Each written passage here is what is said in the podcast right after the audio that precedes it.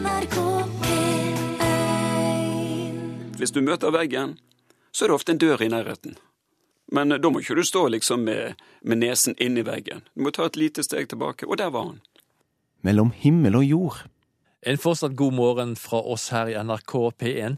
Det var Simon Garfunkel med Mrs. Robinson som dro i gang denne første timen. Mellom himmel og jord med Ove Gundersen.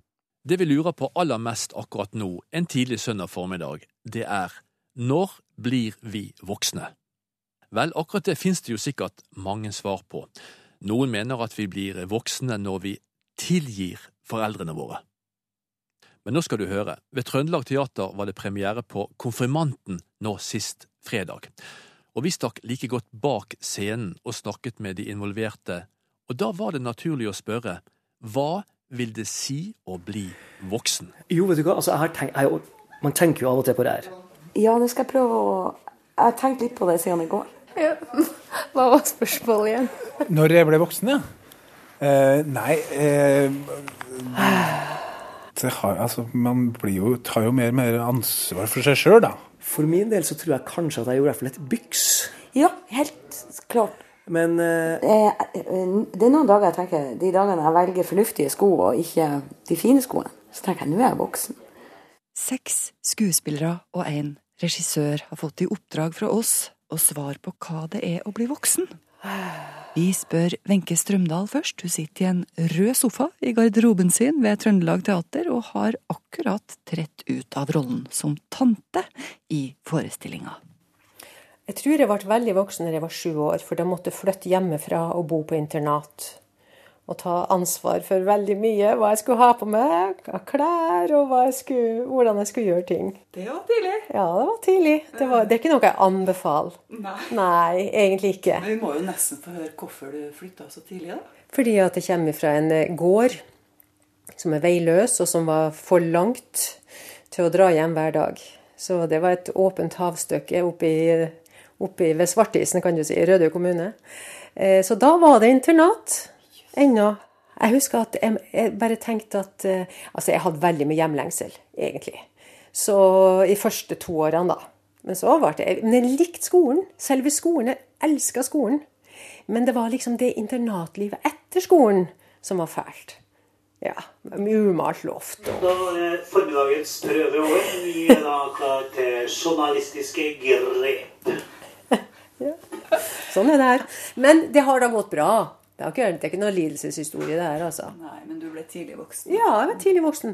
Og jeg tenker at det er akkurat det, det på en måte å skjønne det at OK, nå har du ikke flere rene klær. Nei vel, og jeg brukte denne, og da Ja, nei, da fikk det konsekvenser. Så det er noe med å skjønne at de valgene du tar, får konsekvenser, tenker jeg. Og så tantens unge kavaler, Jon Lockert Rode. Da er jo vanligvis liksom det der Litt sånn klisjéfullt svar at man Nei, man blir aldri voksen. Men, eh, men eh, på et punkt så blir man jo kanskje Eller det, er- det, det er jo en gradvis ting, det der. da. Jeg kommer liksom ikke på at den dagen ble jeg voksen. Um, har, altså, man blir jo, tar jo mer og mer ansvar for seg sjøl, da. For man må ja, ta en del valg på egen hånd. Um, Jo, men, jo, men jeg tror å bli voksen er Marianne Melhaug spiller konfirmantens mor. Jo, nå nå vet jeg noe jeg ble voksen med. Det var en av de, Jeg husker på videregående så eh, skifta jeg linje. Altså fra naturfag til samfunnsfag. Og så tenkte jeg jeg spør ikke noen andre om det her. Jeg bare går, og, liksom, går til rådgiver og sier at jeg tror jeg har gjort et feil valg. Jeg vil bytte. Og så ja, det var jo greit. Og så, og så tenker jeg gud, jeg har gjort et valg alene. Da, te- da husker jeg jeg hadde sånn mm, Man kan være med og, og styre eller eh, ta valg. Uff. Altså, det er så litt sånn annenhver dag at man er voksen eller ikke. For man er liksom alle aldre hele tida. Er det litt sånn ulempe å være voksen hele tida? Ja, det syns jeg. Du vil ikke det? Nei. Nei. Vil, ikke- jeg vil gjerne være tøven og nysgjerrig. Altså, å være voksen handler jo noen ganger om å tenke at du har så mange fordommer. Jo lenger du lever, jo mer sånne, dømmer du en situasjon før du er i den. Jeg vet hvordan det her blir. Og det, selvfølgelig har man jo et poeng i det, for man har et rikere erfaringsgrunnlag. Så man, å bli voksen handler om å bli, få mer og mer kunnskap. skråstrek fordommer. Men når man slipper noen ut av de der Jeg vet ikke hvordan denne situasjonen blir. Det kan bli helt annerledes. Folk kan være helt annerledes enn jeg hadde tenkt. Og når jeg føler meg liksom Å, nå er jeg nysgjerrig eller åpen på ordentlig. Da tenker jeg ja, så bra, nå er det ikke, ikke helt sånn fast sement i hodet av voksenhet. For min del så tror jeg kanskje at jeg gjorde et byks i retning av å bli voksen eh, når jeg fikk barn. Det er den merkelige mannen som snakker her. Hans Petter Nilsen. For min egen del så, så løfta det meg noen hakk. Det var ikke akkurat da barnet For jeg vet godt at jeg var ganske irrasjonell og barnslig egentlig når jeg fikk altså den, den natta førstefødte kom, egentlig. På ingen måte voksen oppførsel. Da skal vi ut og feire med sigar og Ikke sant? Men et, etter en stund så Og det handler selvfølgelig om det ansvaret du får, for at du skjønner jo at eh, det, det finnes liksom ikke en, en tydeligere markering av at du har ansvar for andre enn deg sjøl, da. Ja. Ja, og når man får en ny rolle i forhold til sine foreldre enn før. At nå er det en annen dynamikk her. Nå er jeg ø, voksen, eller jeg bestiller flybillett, eller Nei, jeg vet ikke. Det er jeg som ringer til noe offentlig, eller Ja. ja. Og det der at du blir tatt vare på sjøl, så er det nå kanskje litt omvendt, da. Hmm. Og noen, mange sier vel sikkert at de blir voksne når de får unger sjøl. Men samtidig man blir jo kjempebarnslig òg av å få unger. Får man jo håpe. Det, man er jo mer sammen med unger da, når man får unger. Nei, jeg tror det er vanskelig sjøl å vite akkurat når man blir voksen. Det er kanskje noe omverdenen lettere ser. Men jeg kan jo Det, var, det har jo vært sånn derre gradvis oppvåkning, da. Oppvoksning. Oppvoksning. Yes. Nytt ord. Ja, nytt ord, ja. Jeg var utvekslingselev eh, i Madrid da jeg var 17. Det anbefaler jeg alle som har lyst til å bli voksen og, dra, og bli utvekslingselev. Um, og det å være på en måte helt alene i et nytt land og Det er ikke nødvendigvis hva du gjør, men det er alle tankene og valg, små valgene du må gå igjennom. da. Um, Det her er regissøren Jo Strømgren. Han er verken døpt, konfirmert eller gift. Han har ikke vært i militæret. Han har faktisk ikke førerkort engang. Og er ikke så begeistra for de her ritualene, egentlig. Han omtaler dem som tomme skall. Ingen blir voksen på en dag, sier han. Men eh, så fikk han også en idé. Vet du hva, Jeg skal lage en konfirmasjon hvor faktisk konfirmanten blir voksen i løpet av en dag. Men du sier at eh, Jeg vet ikke om det er du som har sagt det, men det står i hvert fall i programmet til Trøndelag Teater at en katastrofe kan godt hjelpe litt til å få et menneske gjennom denne voksenprosessen. Ja, vi, man sier liksom motgang uh, skaper utvikling, ikke sant. Så, så der er det jo også i det voksne liv så er jeg alltid litt sånn skeptisk når man møter nye folk. Ja, hvor, hvor avbalansert og moden er den personen her egentlig? Og da merker jeg jo folk som har for vært eh, flyktning eller overlevd et overgrep, eller folk som er homofil, f.eks., som må bli nødt til å gå gjennom en sånn tanker i løpet av oppveksten. Folk som har vært gjennom en, en eksistensiell prosess, dem stoler jeg litt mer på. Uh, Petra Tomkant, vi tar 20 minutter pause. Men altså, du skaper på en måte en katastrofe i det her selskapet, da? Ikke sånn? Ja. Ja. Eh, Et familieselskap som går til helvete, for å si det mildt. Eh, Og midt oppi det her så er det jo da en ung tenåring som blir nødt til å ta et valg. Eh, Nei, hva var de der? Konfirmanten. Konfirmanten. Mm. Stemmer. Ja, hva med den unge tenåringen, hovedpersonen sjøl? Når ble han voksen? Når jeg ble voksen, ja. Åh, det der har jeg tenkt litt på. Jeg, eh, kommer fra et veldig religiøst hjem. eh, Og jeg oppvokste i Eller pappa var med og startet en menighet i Bergen. Eh, og så begynte jeg på teater i veldig ung alder. Eh, og da eh, begynte jeg å stille veldig mye kritiske spørsmål til både Altså alt jeg hadde blitt oppvokst i. Altså når jeg tok et helt eget valg uten min familie, eller altså det å Ja. Det tror jeg er første gang jeg følte meg liksom voksen. Det at jeg møtte likesinnede mennesker som jeg ikke møtte i menigheten. Eh, det å ta det valget å være mer med de enn i menigheten, det å, å, å omgås andre mennesker f.eks., det var et, husker jeg var et konkret valg. Kosta det noen ting? Ja, det kostet mye. Det, det kostet mye, fordi at først så turde jeg jo ikke egentlig. Først så ble det å skjule det. Eh, eller på en måte prøve å gjøre begge deler. Eh, helt til valget om at nå, nå velger jeg altså, Samtidig så er det jo på en måte I, i seinere år så har jeg jo kommet mye mer tilbake igjen til kristendommen. Men det, det krevde liksom et opprør først. En utbrytning. Og jeg hadde noen år der tror jeg der, jeg, der jeg tok totalt avstand fra både menigheten og kristendommen. Og, men det tror jeg var bare en sånn periode. Kanskje det er det å bli voksen, når jeg kom tilbake igjen til det igjen. Fordi at det, da hadde jeg liksom gått, gjennomgått den reisen, da, på et vis. Eh, kanskje det er det. det gikk opp for meg nå, faktisk.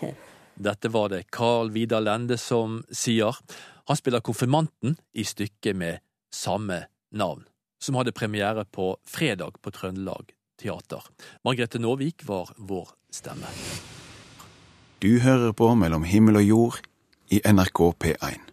Stort sett hver dag sitter jeg med en datamaskin foran meg og jobber, men jeg tenker jo at datamaskinen er ikke et redskap på samme måte som for eksempel en, en øks. Men i bunn og grunn er egentlig mitt datamaskinarbeid en fortsettelse på at vi sannsynligvis en gang reiste oss opp på to for to–tre millioner år siden, og kunne ta hendene i bruk til noe annet enn å komme oss eh, fremover. Og nå ligger altså hendene på tastaturet, og i vår serie om teknologi så spør vi i dag hvor fører dette hen? Forrige gang vi møttes Arnfinn Christensen, så snakka vi om at maskinene allerede har greid å tenke ut noe som er for komplisert for oss mennesker. Nå står vi i Skjønninghuset ved Vitenskapsmuseet i Trondheim, eh, ved ei runebomme En slags tromme, er det ikke det? som eh, samisk tromme. Ja. Trommer, jeg vet ikke hva de brukte det til, det annet enn musikk. Kanskje de brukte det til Eller man kan iallfall bruke en tromme til signaler. Ja. Du kan sende ut eh, pulser i forskjellige rytmer. Du kunne f.eks. tenke deg at du brukte tromma til å sende morsesignaler med. Kanskje det. Morse er jo en slags, eh, egentlig en slags primitiv digital kommunikasjon. Det er pulser. Det, og det samme skjer når du sender eh, pulser over internett. Det er bare at det er det elektriske pulser, som går mye, mye fortere. Men det er pulser som er kodet på en spesiell måte, akkurat Mm. som morse. Det var vel egentlig et redskap til å hjelpe folk inn i transe, i hvert fall òg. Ja, og da er det, hva skal jeg kalle en, en morse som ikke snakker til eh, intellektet og fornuften, men en morse som snakker til noe mye dypere lag i hjernen og bevisstheten.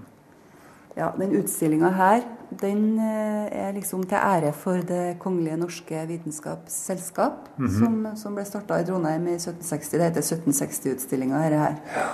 Og det var jo vitenskapsmenn som starta opp dette her, som liksom så på framskrittet og ønska seg framover og dreiv utviklinga.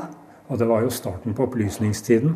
Og en veldig viktig forutsetning for opplysningstiden var jo akkurat noe av det samme som denne sametrommen her. Da. Det var kommunikasjon. Altså det at du kunne publisere resultatene dine, at andre kunne lese dem. At du kunne bygge det store vitenskapsbyggverket stein for stein. øh, Og utvikle det ved å stå Ved at det hele tiden ble dokumentert det du hadde gjort, ved å kommunisere det. Det var veldig viktig. Og det er jo det som har tatt fullstendig av i vår tid med internett. Mm. Og det er jo noen som mener at det har kommet ut av kontroll på en måte, da, at uh, utviklinga styrer oss etter hvert. Ja, Eh, Stephen Hawking sier jo det, at han mener at kunstig intelligens kan bety slutten for menneskeheten. Hva tenker du om det? Jeg tenker vel at uh, vi må være klar over faren, for den er der. Alle de verktøy som mennesker har skapt fra tidenes morgen, kan misbrukes. En kniv kan du bruke både til å skjære brød og til å drepe med. Så det er egentlig ikke noe nytt her heller.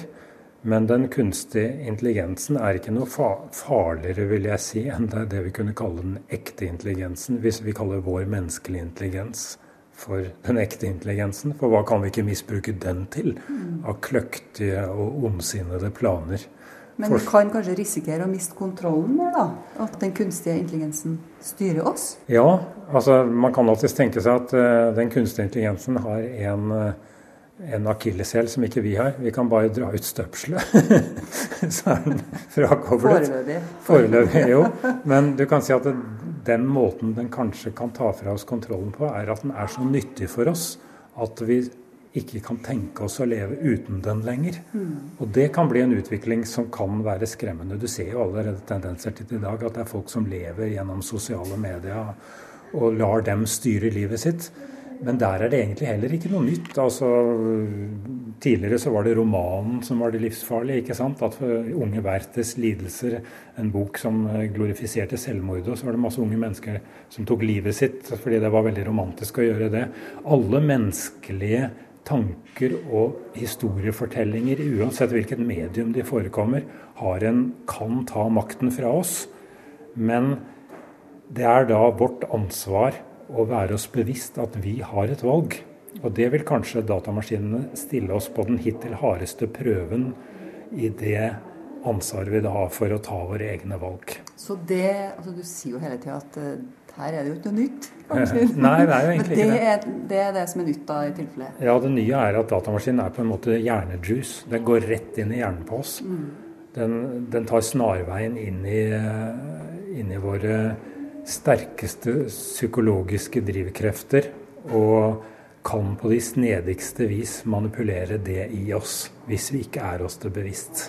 Men uh, hva, ser du for deg at det kan være en evolusjon som Ja. pågår i den kunstige intelligensen her? Uavhengig av oss, som vi kanskje ikke vet om ennå? Ja, det er jo noe av problemet. At uh, vi kan ikke skjønne hva som skjer der. Allerede nå er internett altfor komplisert til at noe enkeltmenneske har oversikt over alt som skjer der i et gitt øyeblikk.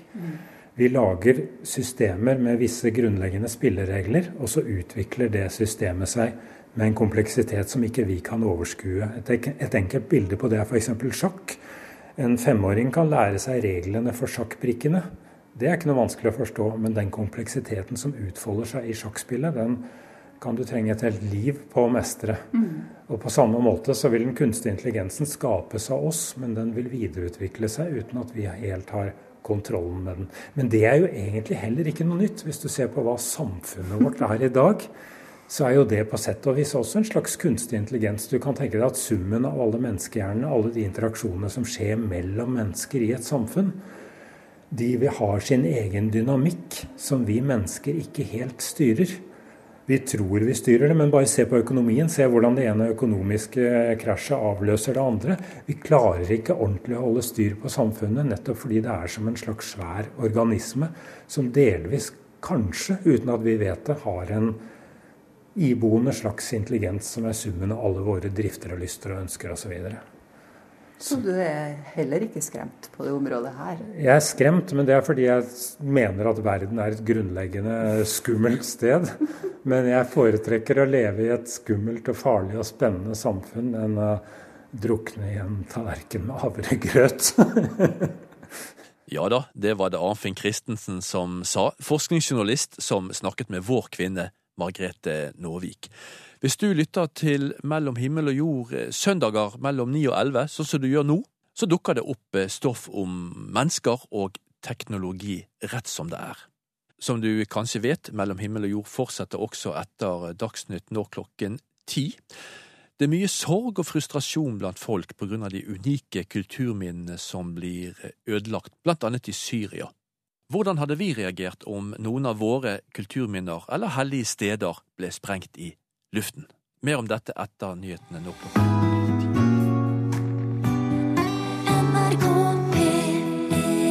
Mellom himmel og jord med Ove Gundersen. Hvordan ville du ha reagert hvis for eksempel Nidarosdomen i Trondheim ble sprengt i fillebiter? Vel, spørsmålet ble stilt av kommentator i Adresseavisen Kjetil Krogsæter. Han skriver til vanlig om sport, han er ekspert på Rosenborg og Petter Northug, men Krogsæter er som mange andre rystet over det som blant annet skjer i Syria, nemlig en total rasering av det som gjerne blir kalt for vår felles verdensarv. Det er forferdelig å se det. Her ser du faktisk eh, steinen i balltempelet som fyker til værs. Det er fullstendig meningsløst. Kjetil Kroksæter ser på bildet av en enorm grå røyksky. Bildet viser IS ødeleggelse av det antikke Baal-tempelet i Palmyra i Syria i slutten av august. Det er bestialsk grusomhet over måten det her foregår på. Det er en sånn forakt for eh, historie og arv som eh, Hele er så skremmende. Det er omtrent ti år siden Kjetil egentlig ved en tilfeldighet sto midt i den antikke ruinbyen nordøst for Damaskus. Palmyra var i sin tid en oase og et betydelig knutepunkt og maktsentrum på Silkeveien. Ruinene står på Unescos verdensarvliste, og det å oppleve kulturskatten var en sterk opplevelse. Mye av det var så godt bevart, og det, det var rett og slett så estetisk flott opplevelse å, å se de byggverkene. Og jeg hadde inntrykk av at dette var tatt vare på for evigheten. Vi så jo hvordan verna om det. Og så leser du plutselig eller hører på nyhetene at uh, i natt har IS uh, sprengt noe av det mest verdifulle av de romerske bygningene der. da. Det gjør veldig inntrykk når du har vært der og sett det og, tenker på hva som har gått tapt. I den store sammenhengen er ikke dette egentlig en liten fis, at noen bygg går tapt når så mange mennesker blir slakta? Nei, jeg tror ikke det. for at uh, uten arv og historie så, så er ikke mennesket helt altså, For å forstå vår tid og framtida, så må vi også kan historien.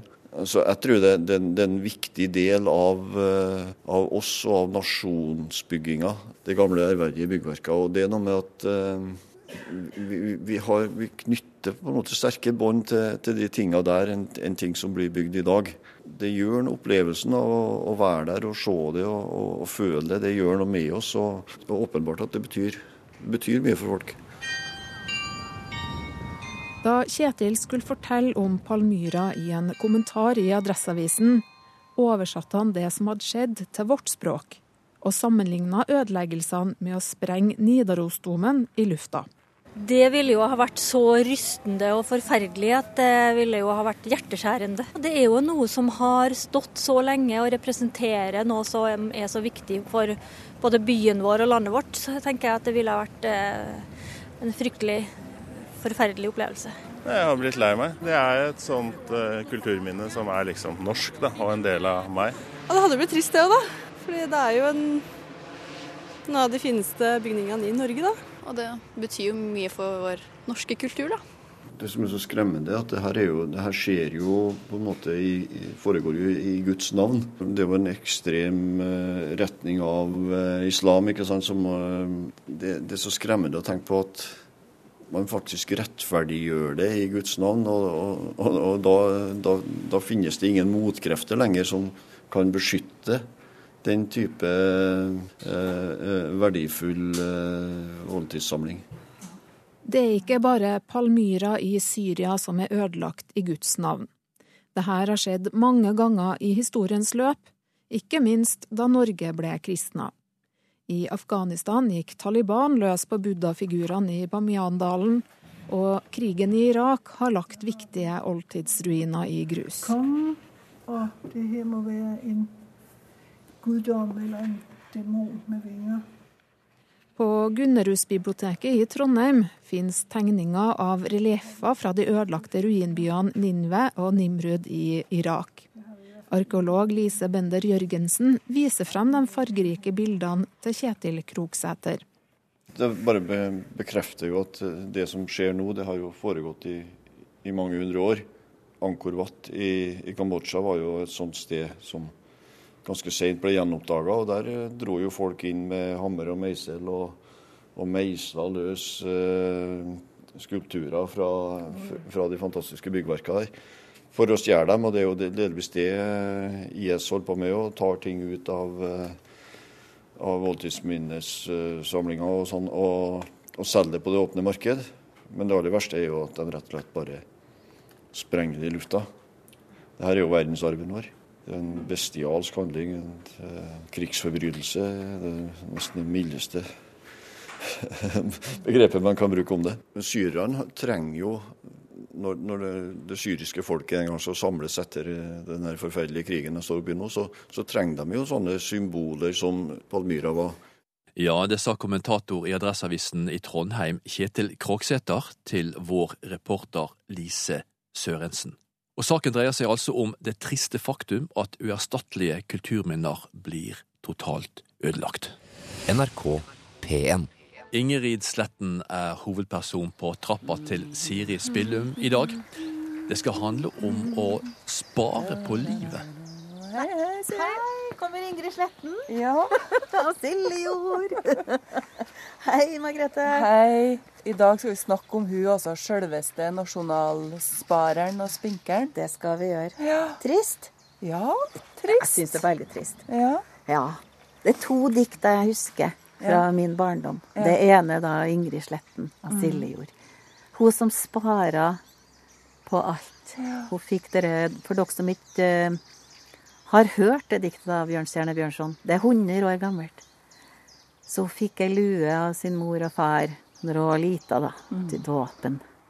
Til daua en dag så hadde jeg ikke brukt den, eh, det var 16 eller 18 vers, så hadde jeg da ikke brukt den huva.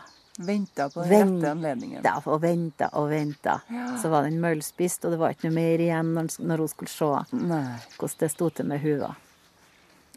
Sånn er det vel også i, for mange av oss, sikkert alle sammen, i, i perioder hvor vi venter på ting. Hvor vi lar eh, kanskje evnene våre også ligge. At vi ikke bruker oss sjøl. Vi sparer på livet, liksom? Ja, vi sparer på livet. Mm. Det er jo egentlig Skummelt. Vi vet jo ikke hvor lenge vi har det. Ja. Nei, vi skal jo ikke spare på oss sjøl. Jeg har jo flira mange ganger over det at eh, jeg er glad i å drikke rødvin, f.eks. Og da er det jo veldig godt å drikke fra gode glass. Så tidligere så drakk jeg da fra Ikea-glass. Ikke noe forkleinelse til det, men allikevel. Det er jo så mye bedre i gode glass. Skulle jeg da bruke de fine glassene da, til de, fineste anledningene, da? Ikke sant? Mm. Eller kjolene. Alle kjolene som henger. Skal bruke dem til en fin anledning, fordi kjolen var så dyr. Og så går nå tida, og så har nå plutselig den kjolen blitt eh, gammeldags. og heller har kommet en bilring ekstra, så du får den ikke på deg. Det er jo trist. Nei, sånn vil vi ikke ha det. Sånn altså. vil vi ikke ha det. Nei. Så hvis du tenker på at å, jeg skulle ha tatt meg den reisa til Italia Jeg har lyst til å gå på et kokkekurs i Italia, jeg har lyst til å lære meg språket. Ja, så hiv deg rundt. Det er ikke noe å vente på. Men det er jo en konkret sak. Det er jo en enkel sak. Det er jo greit å, å gjøre. Um, sånn innabords hos deg sjøl, da, så ta tak i noe som du har lyst på. Finn en lyst. For ofte så er jo den lysten hvert. Det kan være lysten til å ha et mye mer fria liv. Lysten til å si det du mener. Lysten til å kjenne på lidenskapen. Lysten til å kjenne at det svinger, rett og slett. Mm. Når er det nyttigere, denne sparegreia? Ja, si det. Altså, det tror jeg ikke er rette personen du spør, men eh, jeg ser ikke noe nytteverdi i det, i det, i det hele tatt. Jeg liker ikke sparing. Eh, du kan, ja, kanskje du kan spare noe penger, da. Det er jo greit, for det er jo sikkert fint. De som har spara penger, de, eh, de, har det, de har det fint. Men på andre ting som handler om deg sjøl, så, så det, er noe, det, er jo ikke noe å spare på. Livet er ikke noe å spare på. Mente Siri Spillum, som høres ut som hun trives på trappa sammen med Margrethe Nåvik. I vår serie Skeiv historie skal vi nå til 1965, for det var et slags gjennombruddsår for holdninger om homofile i Norge. Sex mellom menn var fortsatt forbudt, men man har begynt å snakke om det også på radio. Og NRK lager to lange diskusjonsprogrammer om temaet. Før vi drar til Skeivt arkiv i Bergen, hvor Runar Jordåen guider oss rundt, skal vi høre litt fra disse radioprogrammene. Biskop Alex Jonsson mener homofili må regnes som en psykisk sykdom, og at dette egentlig handler om å gi etter for driftene. De blir bare mer ulykkelige av å gi efter for trangen til homoseksuelle handlinger. Og at for så vidt vi kan snakke om en helbredelse, eller hva man skal si, en forvandling, da, så består den nettopp med at de bryter med det homoseksuelle miljø, kommer ut av dette som ofte er som en getto. Jeg har truffet en del sånne som altså påstår at de er lykkelige, men jeg har da måttet stille meg det spørsmål om det er sant. Jeg tror aldri det vil lykkes noen homoseksuell å innbille seg selv at det livet han fører hvis han gir etter for dette, at det er ålreit. Når de homoseksuelle sier at det er Gud som har skapt oss sånn, så må jeg altså si at det tror vi ikke. Vi tror at dette er noe som henger sammen med en vond verden. ikke sant? Det er noen som er født med forskjellige former for invaliditet, legemlig og sjelelig. Dette er noe som henger sammen med det onde. Vi kan ikke forklare det. Det er noe som må bæres, altså, som en vond skjebne. Da forbudsparagrafen ble diskutert på 50-tallet, gikk biskopene heller inn for å utvide loven til også å omfatte kvinner. Jusprofessor Johs Andenes, en nestor innen juridisk tenkning i Norge, var klar om lovforbudet. Jeg ser det slik at det er ikke straffelovens oppgave å reagere mot all verdens synd og ondskap. Da skulle vi sannelig få nok å gjøre. Kirken hadde også sine betenkeligheter. Her er pastor Albert Asev om kirkens syn. Lovgivningen kan ikke straffe atferd som for så vidt hører inn under privatlivet.